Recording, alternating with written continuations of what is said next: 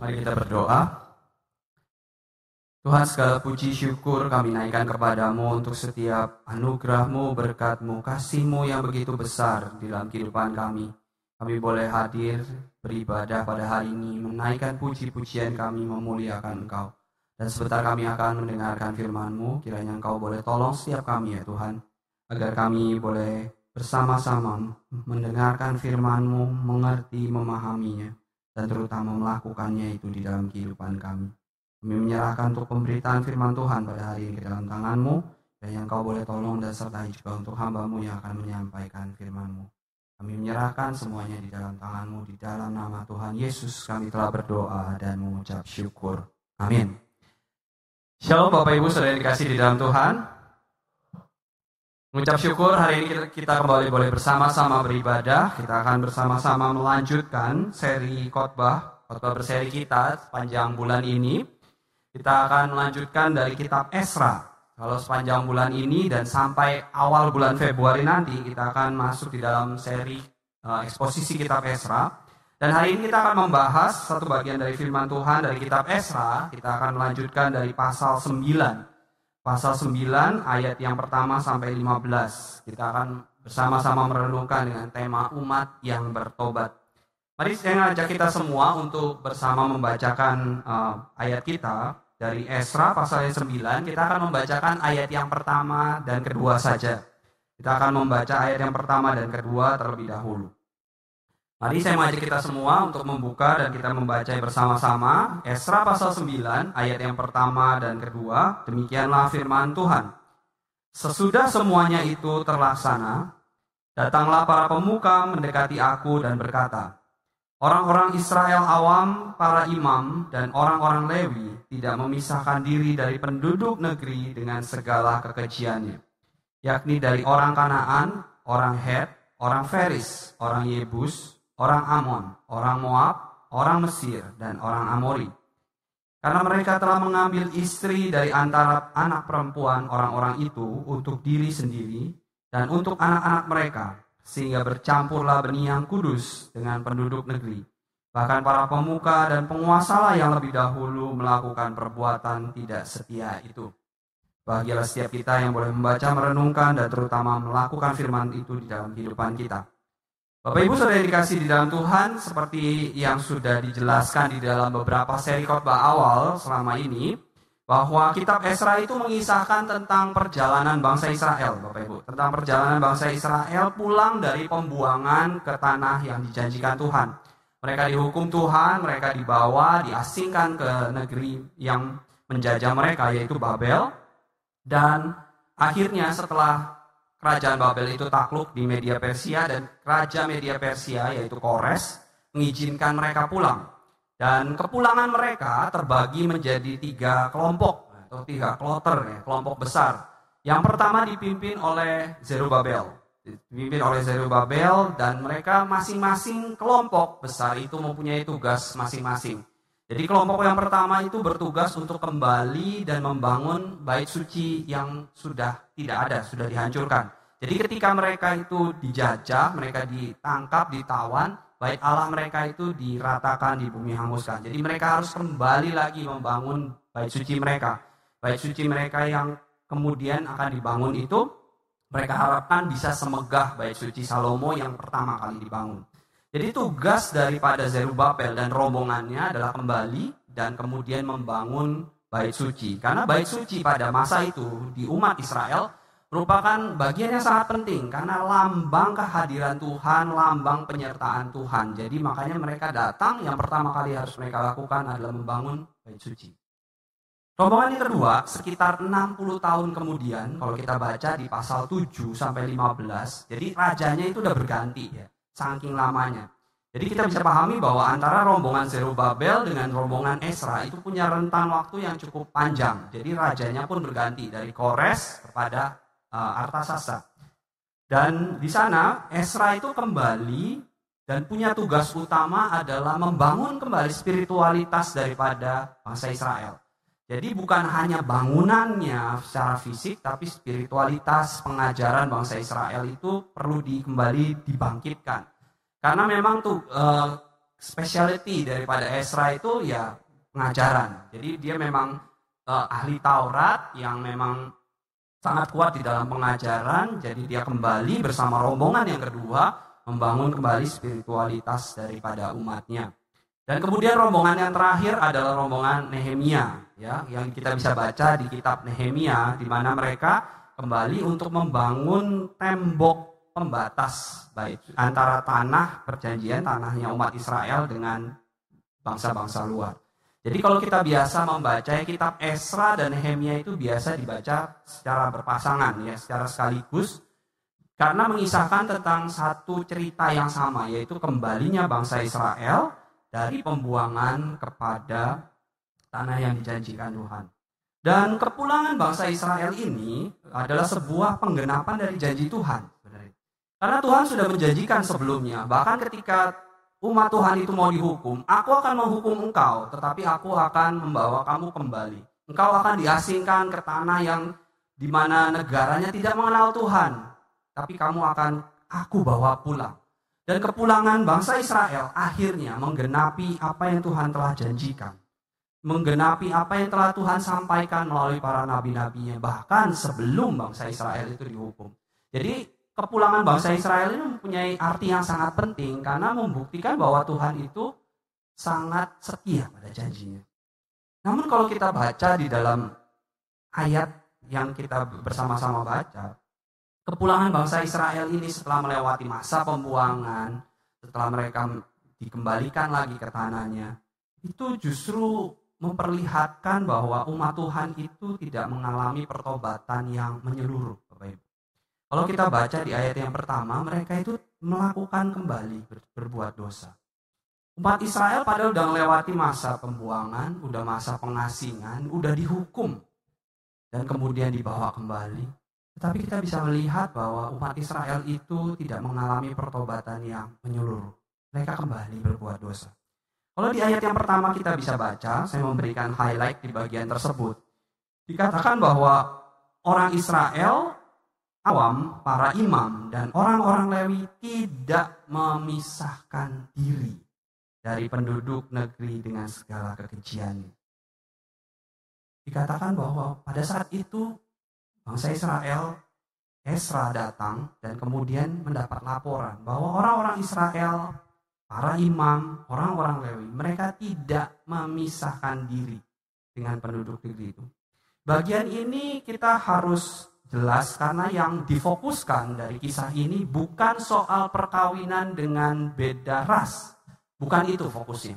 Karena sering kali kita mencabur abudukan. Tetapi ini soal bagaimana bangsa yang dipilih umat Tuhan itu bercampur dengan bangsa yang tidak mengenal Tuhan. Sebagai umat Tuhan, umat Tuhan memiliki tugas tanggung jawab untuk clear secara identitas gitu. Identitasnya itu mesti benar identitas dan tindakan dan perilakunya itu benar. Jadi fokus daripada kisah ini bukan tentang perkawinannya, bukan tentang bagaimana mereka kawin mengawin dengan bangsa lain, tetapi bagaimana hidup mereka. Mereka tidak menguduskan diri mereka dengan orang-orang atau penduduk negeri yang tidak percaya pada Tuhan. Miris kalau kita melihat ayat ini karena kalau kita baca bahwa yang melakukannya itu bukan hanya orang-orang biasa gitu, bukan hanya orang-orang yang mungkin pengetahuan imannya tidak mendalam. Tetapi dikatakan bahwa orang Israel awam, para imam, dan orang-orang Lewi. Bahkan dikatakan di ayat kedua bahwa yang lebih dulu melakukannya adalah para pemuka, penguasa, dan para pemimpin. Hal ini sungguh miris Bapak Ibu ketika kita melihat bahwa ternyata 70 tahun pembuangan mereka, masa pembuangan mereka tidak membawa perubahan apa-apa pada mereka. Mereka tidak mengalami pertobatan yang sungguh atau menyeluruh gitu ya. Ditambah lagi kalau kita baca di pasal 9 di ayat-ayat sebelumnya di pasal 8 ayat-ayat terakhir kita bisa melihat bahwa bangsa Israel itu baru saja melakukan ucapan syukur, baru mengadakan ibadah ucapan syukur, mereka mengadakan korban persembahan, korban ucapan syukur. Tetapi beberapa ayat setelahnya dilaporkan bahwa umat Israel justru mengecewakan Tuhan. Melihat kisah ini kita mungkin bisa berpikir bahwa wah memalukan nih bangsa Israel. Ya gak sih? Wah ini gak tahu diri nih katanya bangsa Israel. Masa sih udah ditolong begitu mereka masih bisa berbuat dosa lagi gitu. Ya? Tetapi Bapak Ibu Saudara dikasih di dalam Tuhan. Kisah ini sebenarnya bukan hanya tentang dan berbicara sejarah umat Israel. Tetapi kisah ini berbicara tentang kita. Berbicara tentang diri kita. Kisah ini mencerminkan kehidupan kita Bapak Ibu. Gambaran ini diambil untuk memberikan gambaran kehidupan kita sebenarnya. Kita mungkin sering kali kalau mau merefleksikan diri kita kembali. Bukankah kita sering kali berlaku demikian? Kita bisa datang ke gereja pada hari Minggu, kita melayani, kita jadi pengurus, Tadi teguhkan hari ini menjadi pengurus dan beberapa saat kemudian atau beberapa hari kemudian kita melakukan hal yang mengecewakan pada Tuhan. Kita mungkin bisa melayani Tuhan dengan sungguh, kita bisa menaikkan pujian atau mungkin bisa menyampaikan firman Tuhan dengan sangat indah, dengan sungguh-sungguh. Tapi beberapa saat kemudian kita bisa melakukan hal-hal yang begitu tidak sesuai dengan firman Tuhan. Kisah ini sebenarnya mau menjadi cerminan kepada kita.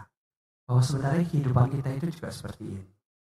Ini bukan hanya sejarah bangsa Israel yang diceritakan, tetapi juga menjadi refleksi bagi kita. Kita umat Tuhan. Kita umat Tuhan yang kudus. Dan seharusnya kita hidup di dalam kekudusan. Kondisi seperti ini adalah kondisi yang tidak ideal. Karena kenapa? Karena kondisi ini tidak seperti yang Tuhan inginkan Bapak Ibu. Tuhan sebagai Allah yang kudus menginginkan umatnya hidup di dalam kekudusan. Umatnya hidup di dalam pertobatan yang sejati.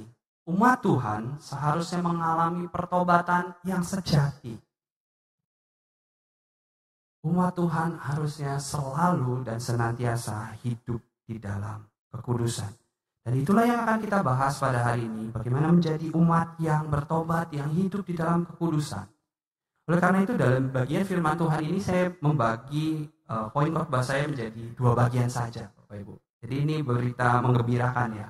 Karena saya tahu banyak acara ya setelah ini, jadi saya cuma bagi dua ya. Yang pertama kita akan membahas tentang mengapanya, the why-nya gitu ya. Alasan kita har harus mengalami pertobatan gitu ya. Alasannya kenapa kita harus mengalami pertobatan. Dan kedua, kita ber, membicarakan tentang how to-nya, gimana sih gitu ya langkah kita gitu ya agar kita mengalami pertobatan ya. Jadi ini berita bergembira ya buat Bapak Ibu. Kita cuma hanya dua poin ya, tapi di dalam dua poin itu ada sekitar 12 subpoin ya mungkin ya. Jadi siap-siap kan catatannya, kita mau bersama-sama belajar. Kita masuk ke bagian yang pertama Bapak Ibu. Mengapa? Oh, why-nya gitu ya. Alasan apa? Mengapa kita harus mengalami pertobatan yang sejati atau yang sungguh? Mari kita perhatikan di ayat yang ketiga sampai ke enam. Ketika Esra mendapat laporan tersebut, Esra langsung di ayat yang ketiga mengambil sebuah tindakan, ia mengoyakkan bajunya, melepaskan jubahnya, kemudian bersujud kepada Tuhan. Dia juga menarik, mencabut rambut dan janggutnya. Tindakan itu merupakan tindakan yang umum pada masa itu untuk mengekspresikan sebuah kesedihan atau duka cita. Kita bisa lihat ini kisah-kisah di dalam perjanjian lama. Daud ketika anaknya meninggal, dia juga melakukan hal yang serupa. Dia mengoyakkan jubahnya sebagai simbol atau gambaran duka cita yang mendalam. Sebagai gambaran kesedihan yang mendalam karena melihat bagaimana umat Tuhan kok masih hidup di dalam keberdosaan seperti ini. Esra mengidentifikasikan dirinya dengan dosa yang dilakukan umat. Esra mengambil peran sebagai seorang mediator yang membawa duka cita itu menghubungkan antara kesalahan umat dengan Tuhan. Jadi dia mengambil peran itu. Tetapi bukan hanya berhenti sebagai mediator saja. Di ayat yang ke-6 kita bisa melihat ya bersama-sama, saya akan bacakan kepada Bapak Ibu. Ya Allahku, aku malu dan aku dan mendapat celah sehingga tidak berani mengadakan mukaku kepadamu. Ya Allahku, karena dosa kami telah menumpuk mengatasi kepala kami dan kesalahan kami telah membumbung ke langit. Di situ kita bisa lihat ada perubahan kata ganti ya. Dari kata ganti orang pertama, aku gitu ya, untuk menunjukkan bahwa aku Esra sebagai pembawa doa, tetapi ketika mengadres, mengarahkan kepada dosa, dia menggunakan kata kami. Yang artinya bukan hanya berbicara tentang dosa umat, dosa mereka yang melakukan, tetapi ini dosa kami juga. Saya dan semua umat. Di bagian ini mau mengajarkan tentang apa Bapak Ibu? Mengajarkan bahwa tentang dampak daripada dosa. Dampak dari dosa itu bukan hanya berbicara soal personal. Bukan hanya tentang diri saya dengan Tuhan tetapi dampak dosa itu memiliki dampak yang universal. Memiliki dampak yang besar. Ketika kita seorang imam, ketika umat mengalami dosa dan kemudian dihukum oleh Tuhan, ketika bangsa Israel dihukum oleh Tuhan dan dibawa kepada pembuangan, kita bisa lihat umat yang dibawa ke pembuangan itu adalah semua, semua bangsa Israel. Tapi kita tahu bahwa bukan di dalam umat Israel yang dibuang itu juga ada umat-umat yang setia, bukan? Ada umat yang setia yang tetap taat kepada Tuhan. Mereka mengalami penghukuman. Kita bisa baca di dalam kitab Daniel, bahkan kitab Esra, Nehemia, Yeremia, bahwa ketika Tuhan menghukum umat Tuhan, semua umat, baik yang setia maupun tidak setia, mengalaminya. Hal ini berbicara tentang dampak dosa yang universal Dosa itu bukan hanya berbicara tentang pribadi kita saja. Dosa itu berpengaruh terhadap seluruh aspek kehidupan dari manusia. Oleh karena itu ketika kita tahu bahwa dampak dosa itu begitu besar, kita itu diajak untuk kita tidak bisa terus-menerus hidup di dalam dosa. Kita harus mengalami pertobatan yang sungguh. Dosa itu bukan masalah tentang kita saja, kita dengan Tuhan. Tetapi dosa yang kita lakukan itu lambat laun akan mempengaruhi seluruh aspek kehidupan kita. Kita tidak bisa bilang bahwa oh saya jadi pemimpin dan saya tetap hidup dalam dosa, itu nggak apa-apa. Ini hanya berkaitan dengan saya, saya dengan Tuhan. Saya bisa melakukan memimpin dengan baik. Tapi sudah banyak contoh gitu ya, kita lihat bagaimana keberdosaan pemimpin itu juga akan berpengaruh terhadap orang-orang yang dipimpinnya dan juga berpengaruh merusak perusahaan organisasi yang dipimpinnya. Ketika bilang orang tua hidup di dalam dosa, kita bisa berpikir bagaimana dengan yang diajarkan kepada anak? Apa yang mau diajarkan kepada nilai hidup apa, contoh teladan hidup apa yang mau diajarkan? Kita tidak bisa bilang hanya dosa itu soal saya aja. Enggak. Dosa itu punya dampak yang universal dan memberikan dampak ke seluruh aspek kehidupan kita. Dan aspek itu merusak. Dan ini kita bisa lihat dalam kisah kejatuhan manusia di dalam dosa. Ketika manusia pertama jatuh di dalam dosa, maka itu merusak relasi seluruh umat manusia. Relasi antara Allah dengan manusia. Ketika kita tahu bahwa dampak dosa itu akan merusak seluruh apa pun yang ada di sekitar kita. Kita seharusnya sadar bahwa kita tidak bisa terus-menerus hidup di dalam dosa, Bapak Ibu. Kita tidak bisa menerus terus-menerus membiarkan dosa kita, lubang-lubang ketidakkudusan dalam hidup kita kita biarkan. Oh gak apa-apa, itu kan urusan saya, urusan pribadi. Gak bisa. Lambat laun akan menggerogoti hidup kita dan merusak seluruh apa pun yang ada di sekitar kita.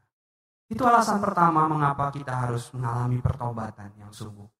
Karena dosa itu memiliki dampak yang universal yang akan merusak seluruh aspek kehidupan kita. Alasan kedua Bapak Ibu yang harus kita perhatikan bersama adalah karena kasihnya Tuhan. Karena kasihnya Tuhan di dalam kehidupan kita. Dan kasihnya Tuhan itu dinyatakan dalam dua hal. Yang pertama, kita bisa perhatikan di ayat 8 dan 9. Esra menyadari bahwa di dalam keberdosaan umat, di tengah ketidaklayakan umatnya, Esra bisa melihat bahwa Allah itu tetap setia kepada umat. Di ayat 8 dan 9, Esra mengatakan di dalam doanya, doanya bahwa meskipun kami umat yang berdosa, tetapi engkau menyisahkan kami. Engkau membawa kami pulang. Engkau mengantarkan kami ke tanah yang engkau janjikan. Di ayat yang ke-9, karena sungguh pun kami menjadi budak. Di dalam perbudakan itu, kami tidak ditinggalkan ia membuat kami disayangi di raja negeri-negeri Persia sehingga kami mendapat kelegaan untuk membangun rumah Allah dan menegakkan kembali reruntuhan dan diberi tembok pelindung Yehuda dan Yerusalem. Di bagian ini Esra mau mengajarkan kepada setiap kita Bapak Ibu bahwa di tengah ketidaksetiaan manusia Allah itu tetap setia kepada setiap kita Allah itu tetap mengasihi kita. Di tengah keberdosaan umat, bahkan ketika umat sedang dalam penghukuman, di dalam pembuangan, Allah tetap bekerja, pemeliharaannya tetap ada. Ia bekerja melalui pemimpin-pemimpin yang ada pada saat itu. Ia menggunakan pemimpin Persia untuk mengizinkan memelihara kehidupan umat. Sehingga umat itu masih ada, masih utuh, masih tetap ada dan bisa kembali pulang. Bapak Ibu mungkin bagi kita sulit ya untuk memahami konsep ini karena kita ini hidup di dunia yang mengusung budaya transaksional. Benar gak sih? Ada uang, ada barang. Kalau mau sukses kamu harus usaha gitu ya. Usaha lebih keras, sukses lebih banyak gitu ya. Ketika orang mau baik sama kita, kita harus juga baik sama orang. Ketika kamu tidak baik sama orang, orang akan wajar berlaku tidak baik kita dipengaruhi, sangat dipengaruhi oleh budaya transaksional ini. Benar gak sih? Dan ini sangat berpengaruh dan bahkan mempengaruhi cara kita berrelasi dengan Tuhan. Sehingga sering kali kita itu berrelasi dengan Tuhan dengan relasi yang transaksional juga. Ketika mau berkat, wah kita rajin ke gereja. Mungkin ada mau deal-deal tertentu, ada mau melakukan apa gitu ya. Atau kita menginginkan apa, kita mungkin akan berdoa dengan sungguh, dengan rajin, kita baca Alkitab kita melayani dengan sungguh supaya kita dapat berkat lebih banyak. Kita memberi lebih banyak supaya kita dapat berkat lebih banyak. Atau ketika kita mengalami kegagalan atau kita melakukan dosa, kita sangat ketakutan kalau kita takut gitu. Bahwa Tuhan itu akan langsung menghukum kita gitu ya. Kayak kita melakukan kesalahan, petir itu langsung menyambar. Karena kita dipengaruhi, sangat-sangat dipengaruhi oleh budaya transaksional seperti ini. Sehingga ini mempengaruhi relasi kita dengan Tuhan. Sehingga ketika kita menyadari bahwa Tuhan itu tetap memberikan kebaikan, kesetiaannya kepada kita yang tidak layak. Kita ini jadi bingung. Coba bayangin kita punya teman Bapak Ibu. Kita punya teman, sahabat gitu ya yang meskipun kita ini nggak pernah melakukan apa-apa ke dia, dia itu tetap baik, tetap ngasih, tetap wah setia, ada, selalu ada 24 jam bagi kita gitu. Ya. Kita ini bingung ini teman ini wah pasti ada sesuatu di balik. Kita akan mencari curigaan terus ya sama dia. Dia memberikan apa? Ini maksudnya apa ini? Atau kita berpikir, oh dia ini antara bodoh, lugu gitu ya, karena kita sangat dipengaruhi oleh budaya transaksional. Jadi ketika Allah terus memberikan kebaikan pada kita, kita itu nggak pernah punya konsep seperti ini. Kita nggak pernah punya orang-orang yang ada di sekitar yang mungkin seperti ini. Ketika kita terus menerus mendapat kebaikan, meskipun kita sadar bahwa kita itu tidak pantas menerimanya, Hal yang paling baik, hal yang paling normal untuk dilakukan adalah kita mengucap syukur, berterima kasih. Karena ketika kita tidak berterima kasih, tapi terus-menerus menerima kebaikan itu tanpa adanya perubahan sikap, artinya kita ini orang nggak tahu diri. Benar gak sih? Kita sangat menyadari pujian-pujian tadi menggambarkan betapa baiknya Engkau Tuhan. Itu kan menggambarkan gitu ya. Menggambarkan sebenarnya Tuhan itu begitu baik. Meskipun sering kali kita itu nggak baik-baik amat sama Tuhan. Pelayanan ya nggak rajin-rajin amat gitu ya. Jadi pengurus ya kadang ya karena dipilih gitu loh. Losennya yang gitu. Atau udah nggak ada lagi orang lain gitu ya. Mungkin gitu ya. Tapi kebaikan Tuhan itu tetap ada. Tetap diberikan kepada setiap kita. Karena kenapa? Karena perbuatan Tuhan itu bukan didasarkan pada apa yang kita lakukan pada Tuhan. Perbuatan kita, perbuatan Tuhan itu didasarkan kepada karakternya Tuhan, sifat-sifatnya Tuhan. Perbuatan Tuhan itu tidak didasarkan pada apa yang kita lakukan. Kalau kita kasih banyak, Tuhan akan kasih banyak. Kalau kita mengasihi Tuhan dengan lebih, Tuhan akan mengasihi kita lebih dalam lagi. Enggak. Tuhan itu bertindak berdasarkan dengan karakternya, sifat. Karena Tuhan itu baik, karena Tuhan itu adil, karena Tuhan itu penyayang, penuh kasih. Makanya segala tindakannya adalah seperti dengan sifat-sifatnya. Tidak dipengaruhi oleh apa pun. Bayangkan kalau Tuhan kita itu sangat dipengaruhi, kita akan jadi umat yang bingung. Tuhan itu kok demanding banget ya. Gitu ya. Kita jadi umat yang takut gitu ya. Wah salah dikit gitu. Gak pernah kan kita kalau salah dikit langsung dihukum gitu ya. Langsung dicabut nyawanya gitu ya. Karena perbuatan Tuhan, apa yang Tuhan lakukan, itu didasarkan pada sifat-sifatnya, karakter bukan berdasarkan apa yang kita lakukan. Apa yang diberikan itu selalu yang terbaik. Yang bintang lima. Servisnya itu selalu bintang lima. Yang melayani, memberikan kita selalu bintang lima. Meskipun sering kali apa yang kita berikan sama Tuhan itu bintang tiga, bintang dua, gitu. Bintang lima sekali-sekali. Gitu kan. Kita bersyukur punya Allah yang seperti itu Bapak Ibu.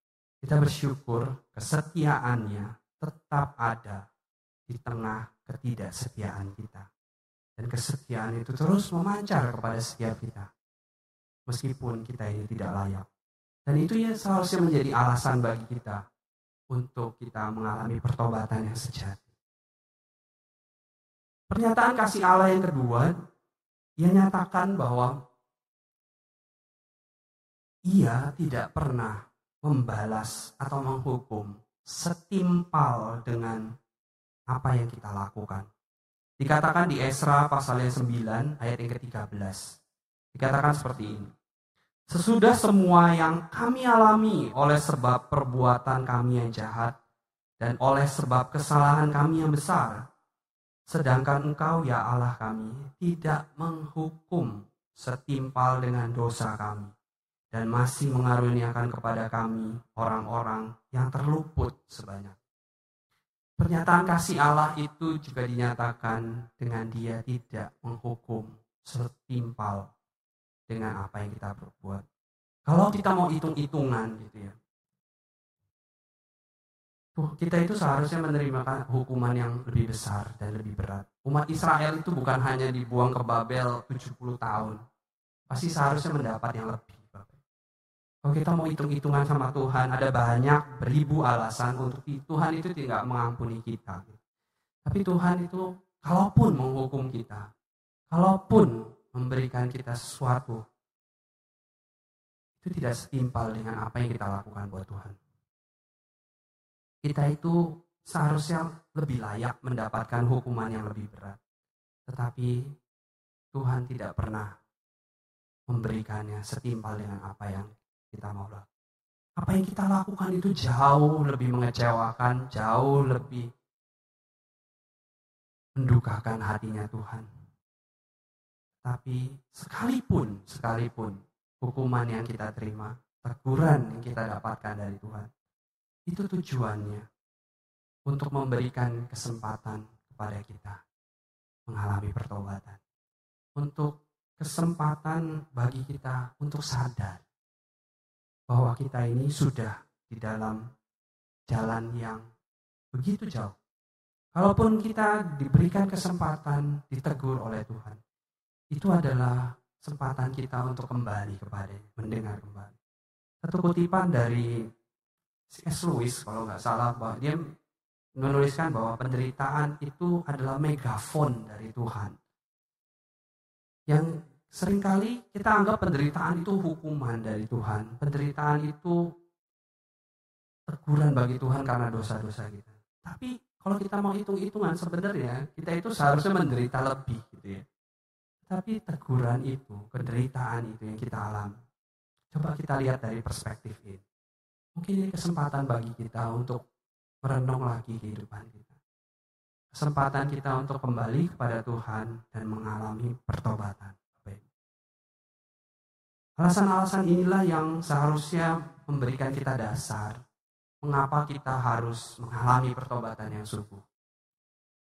Dampak dosa begitu besar. Namun kasih Allah kasihnya yang dinyatakan melalui kebaikan dan kesetiaan. Walaupun dia menghukum, dia tidak pernah menghukum setimpal dengan apa yang kita perbuat. Itu seharusnya menjadi dasar bagi kita untuk kita mengalami pertobatan. Untuk menjadi alasan bagi kita. Untuk kita bertobat dengan lebih sungguh. Itu bagian pertama yang mau saya sampaikan, Bapak Ibu. Dan sekarang kita masuk ke bagian yang kedua. Tentang bagaimana langkahnya. Karena kalau saya berhenti di soal alasan doang, mungkin Bapak Ibu akan pulang dengan, oh berarti saya sudah tahu alasannya. Saya akan pulang dan berusaha dengan sekuat tenaga.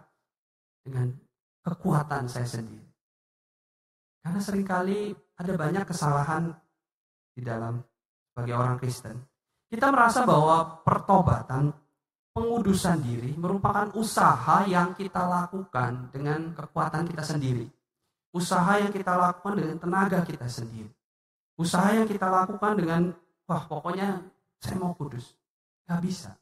Tetapi ada juga ekstrim yang satunya lagi bahwa pengudusan itu, wah, itu pokoknya urusan Tuhan. Aku berserah kepadamu, biarlah roh kudus yang menguduskan kami.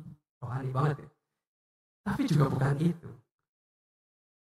Seorang penulis dan teolog eh, bernama Jerry Bridge mengatakan seperti ini, Bapak Ibu. Saya mengutipnya di dalam satu tulisannya bahwa tidak ada satupun satu orang pun yang dapat menjadi kudus tanpa campur tangan Allah di dalam hidupnya. Sekali lagi saya katakan bahwa tidak ada satu orang pun yang dapat menjadi kudus tanpa campur tangan Allah di dalam kehidupan. Kali ini dia mau berbicara bahwa ketika kita sedang mengejar kekudusan, untuk mengalami pertobatan sejati. Usaha yang kita lakukan itu bukan usaha yang mengandalkan kekuatan diri kita sendiri. Adalah usaha yang melibatkan campur tangan daripada Allah sendiri di dalam kehidupan kita. Oleh karena itu di bagian ini saya mau menyimpulkan bagaimana kita bisa hidup di dalam pertobatan yang sejati. Ke dalam satu kalimat begini bahwa untuk dapat mengalami pertobatan yang sejati, yang sungguh-sungguh, kita harus dikuatkan oleh Roh Kudus, dimotivasi oleh Injil, dan berusaha dilandaskan oleh iman. Dikuatkan oleh Roh Kudus, dimotivasi oleh Injil, dan usaha dilandaskan oleh iman. Apa maksudnya kalimat ini, Bapak Ibu? dikuatkan oleh Roh Kudus. Roh Kudus itu memiliki peran besar di dalam pertobatan kita, di dalam kehidupan kita untuk kudus. Karena ketika kita percaya Roh Kudus itu ada di dalam diri kita. Roh Kudus itu yang menguatkan kita, yang memampukan kita. Yang memberikan kita kekuatan. Karena Roh Kudus itu adalah pribadi. Kita akan membahas ini lebih jauh ketika kita nanti masuk di dalam seri Pentakosta. Kita akan membahas tentang doktrin Roh Kudus yang mungkin selama ini kita banyak kesampingkan. Dan biasanya Roh Kudus itu banyak dibahas di gereja-gereja atau denominasi lain gitu ya, yang lebih mungkin lebih banyak. Tapi kali ini kita mau mengambil satu beberapa minggu khusus kita akan membicara tentang Roh Kudus. Bahwa Roh Kudus itu adalah pribadi Allah sendiri, pribadi ketiga. Ia memiliki kuasa dan ia ada di dalam diri kita. Dan ia memberikan kekuatan, kemampuan. Ketika kita percaya, ketika Roh Kudus ada di dalam kita, berarti satu sisi kita dimampukan untuk menang atas dosa-dosa kita. Kita nggak bisa ngomong bahwa ah, udah emang dari sananya saya udah tidak bisa lepas lagi dari dosa ini. Saya udah berusaha. Gitu. Berarti artinya kita tidak percaya bahwa Roh Kudus itu ada di dalam diri kita yang memberikan kekuatan, yang memampukan kita untuk bisa menang. Roh Kudus itulah yang bekerja di dalam kita dan melalui kita.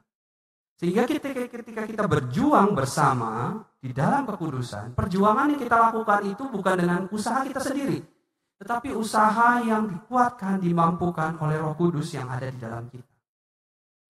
Dan itulah artinya dikuatkan oleh Roh Kudus dan dimotivasi oleh Injil. Injil firman Tuhan memberikan kita satu perspektif, satu nilai yang akan kita dapat, kita capai. Bahwa ketika kita mengejar kekudusan, kita mengalami pertobatan sejati, ada kenikmatan yang lebih utuh, kenikmatan yang lebih sempurna. Ada sukacita yang lebih sempurna yang akan kita dapatkan. Dan itulah yang diceritakan di dalam Injil, yang di dalam firman Tuhan. Ketika orang berbuat dosa Bapak Ibu, mereka sebenarnya juga menginik, mengejar kenikmatan mengejar kepuasan bukan? Ya nggak sih? Berbuat dosa itu nikmat ya? Ya kan? Oh ibu, betul. Tapi kenikmatannya bersifat sementara, semu. Yang kita anggap nikmat gitu ya. Yang kita anggap bisa memuaskan ruang di dalam kekosongan di dalam diri kita. Ini dianggap bisa memberikan kita banyak manfaat. Tapi sebenarnya enggak. Di dalam firman Tuhan kita diajarkan bahwa ada kenikmatan yang lebih tinggi, yang lebih sempurna, yang lebih utuh. Itu di dalam Tuhan. Dan Injil firman Tuhan ini yang memotivasi kita, yang mendorong kita untuk kita berjuang menjadi serupa Kristus. Injil firman Tuhan itu yang memampukan kita, yang memotivasi kita yang memberikan satu nilai yang kekal yang harus kita capai yang kita dengar ketika kita mengejar kekudusan. Dan usaha yang kita lakukan di dalam iman kepercayaan kita bahwa ketika kita mengejar kekudusan, apa yang kita percayai di dalam firman Tuhan, di dalam Injil akan kita terima. Itulah iman itu. Kita percaya walaupun kita tidak melihat. Kita percaya bahwa kita belum menerima seutuhnya, karena kita baru menerima cicipannya. Ketika Kristus mati bagi kita, ketika Kristus menyelamatkan kita, yang memberikan kita janji kehidupan yang kekal, dan kita berjuang dengan kita keiman bahwa kita akan mendapatkan. Dan ketika kita melakukannya, perjuangan kita, Bapak Ibu, mengejar kekudusan, mengalami pertobatan yang sungguh. Itu bukan perjuangan yang kita lakukan sendiri. Saya menyimpulkan dalam satu kalimat cukup yang kuat untuk kita boleh menjadi umat yang bertobat, yang mengalami pertobatan yang sungguh. Karena kita tahu bahwa dampak dosa itu begitu besar. Karena kita tahu bahwa Allah itu begitu mengasihi kita dan terus menyurahkan kasihnya. Bagaimana bisa kita bisa mengecewakan orang yang begitu mengasihi kita, yang selalu memberikan kebaikan bagi kita. Tetapi dari dalam perjuangan kita mengejar kekudusan, itu bukan perjuangan yang kita lakukan sendiri. Allah telah memberikan roh kudusnya, dirinya sendiri di dalam diri kita. Untuk kita dikuatkan mengejar kekudusan itu. Dan melalui firmannya yang terus memberikan kita motivasi dan memberikan kita kekuatan untuk taat sampai mati. Mari kita berdoa. Tuhan kami mengucap syukur melalui firman-Mu. Kami mengucap syukur untuk kebaikan-Mu, kasih setiamu di dalam kehidupan kami. Yang terus Engkau curahkan meskipun sering kali kami mengecewakan Engkau. Tuhan yang tolong setiap kami Tuhan. Tuhan tolong agar kami di dalam perjalanan kehidupan kami yang mungkin sering jatuh bangun. Kami terus boleh berjuang untuk mengejar, mengalami pertobatan yang sejati itu. Dan kiranya perjuangan yang kami lakukan itu bukan mengandalkan diri kami. Karena ketika kami mengandalkan diri kami, kami akan menjadi pribadi yang sombong. Tetapi oleh karena roh kudus pula, oleh karena firman-Mu lah yang menguatkan kami. Yang terus boleh setiap hari membawa kami menjadi semakin serupa Kristus. Kami menyerahkan seluruh kehidupan kami ke dalam tangan-Mu, Engkau yang boleh tolong. Kami yang mungkin masih bekerja, masih sekolah, masih kuliah, kami mungkin yang sedang bergumul di dalam pergumulan kehidupan kami, Tuhan yang boleh tolong dan sertai. Agar kami menjadi umat-Mu yang kudus. Di dalam nama Tuhan Yesus kami telah berdoa dan mengucap syukur. Amin.